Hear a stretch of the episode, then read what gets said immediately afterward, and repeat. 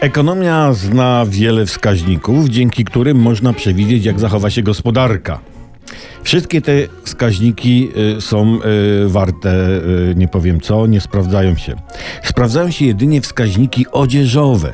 Amerykański ekonomista George Taylor sformułował taką korelację. Im krótsze spódniczki noszą kobiety, tym lepiej ma się gospodarka. Jest to wskaźnik tak zwany mini ekonomiczny. Mini jest wyrazem optymizmu kobiet. Kobieta odsłania nogi, bo ją stać na nowe rajstopy, takie opięte, bez turlaków i chce się nimi pochwalić.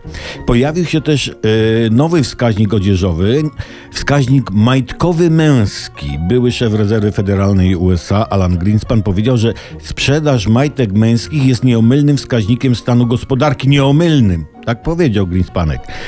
Jeśli panowie kupują slipy, to można przyszłość patrzeć z optymizmem. Jeśli sprzedaż majtek siada, można spokojnie wpaść w panikę.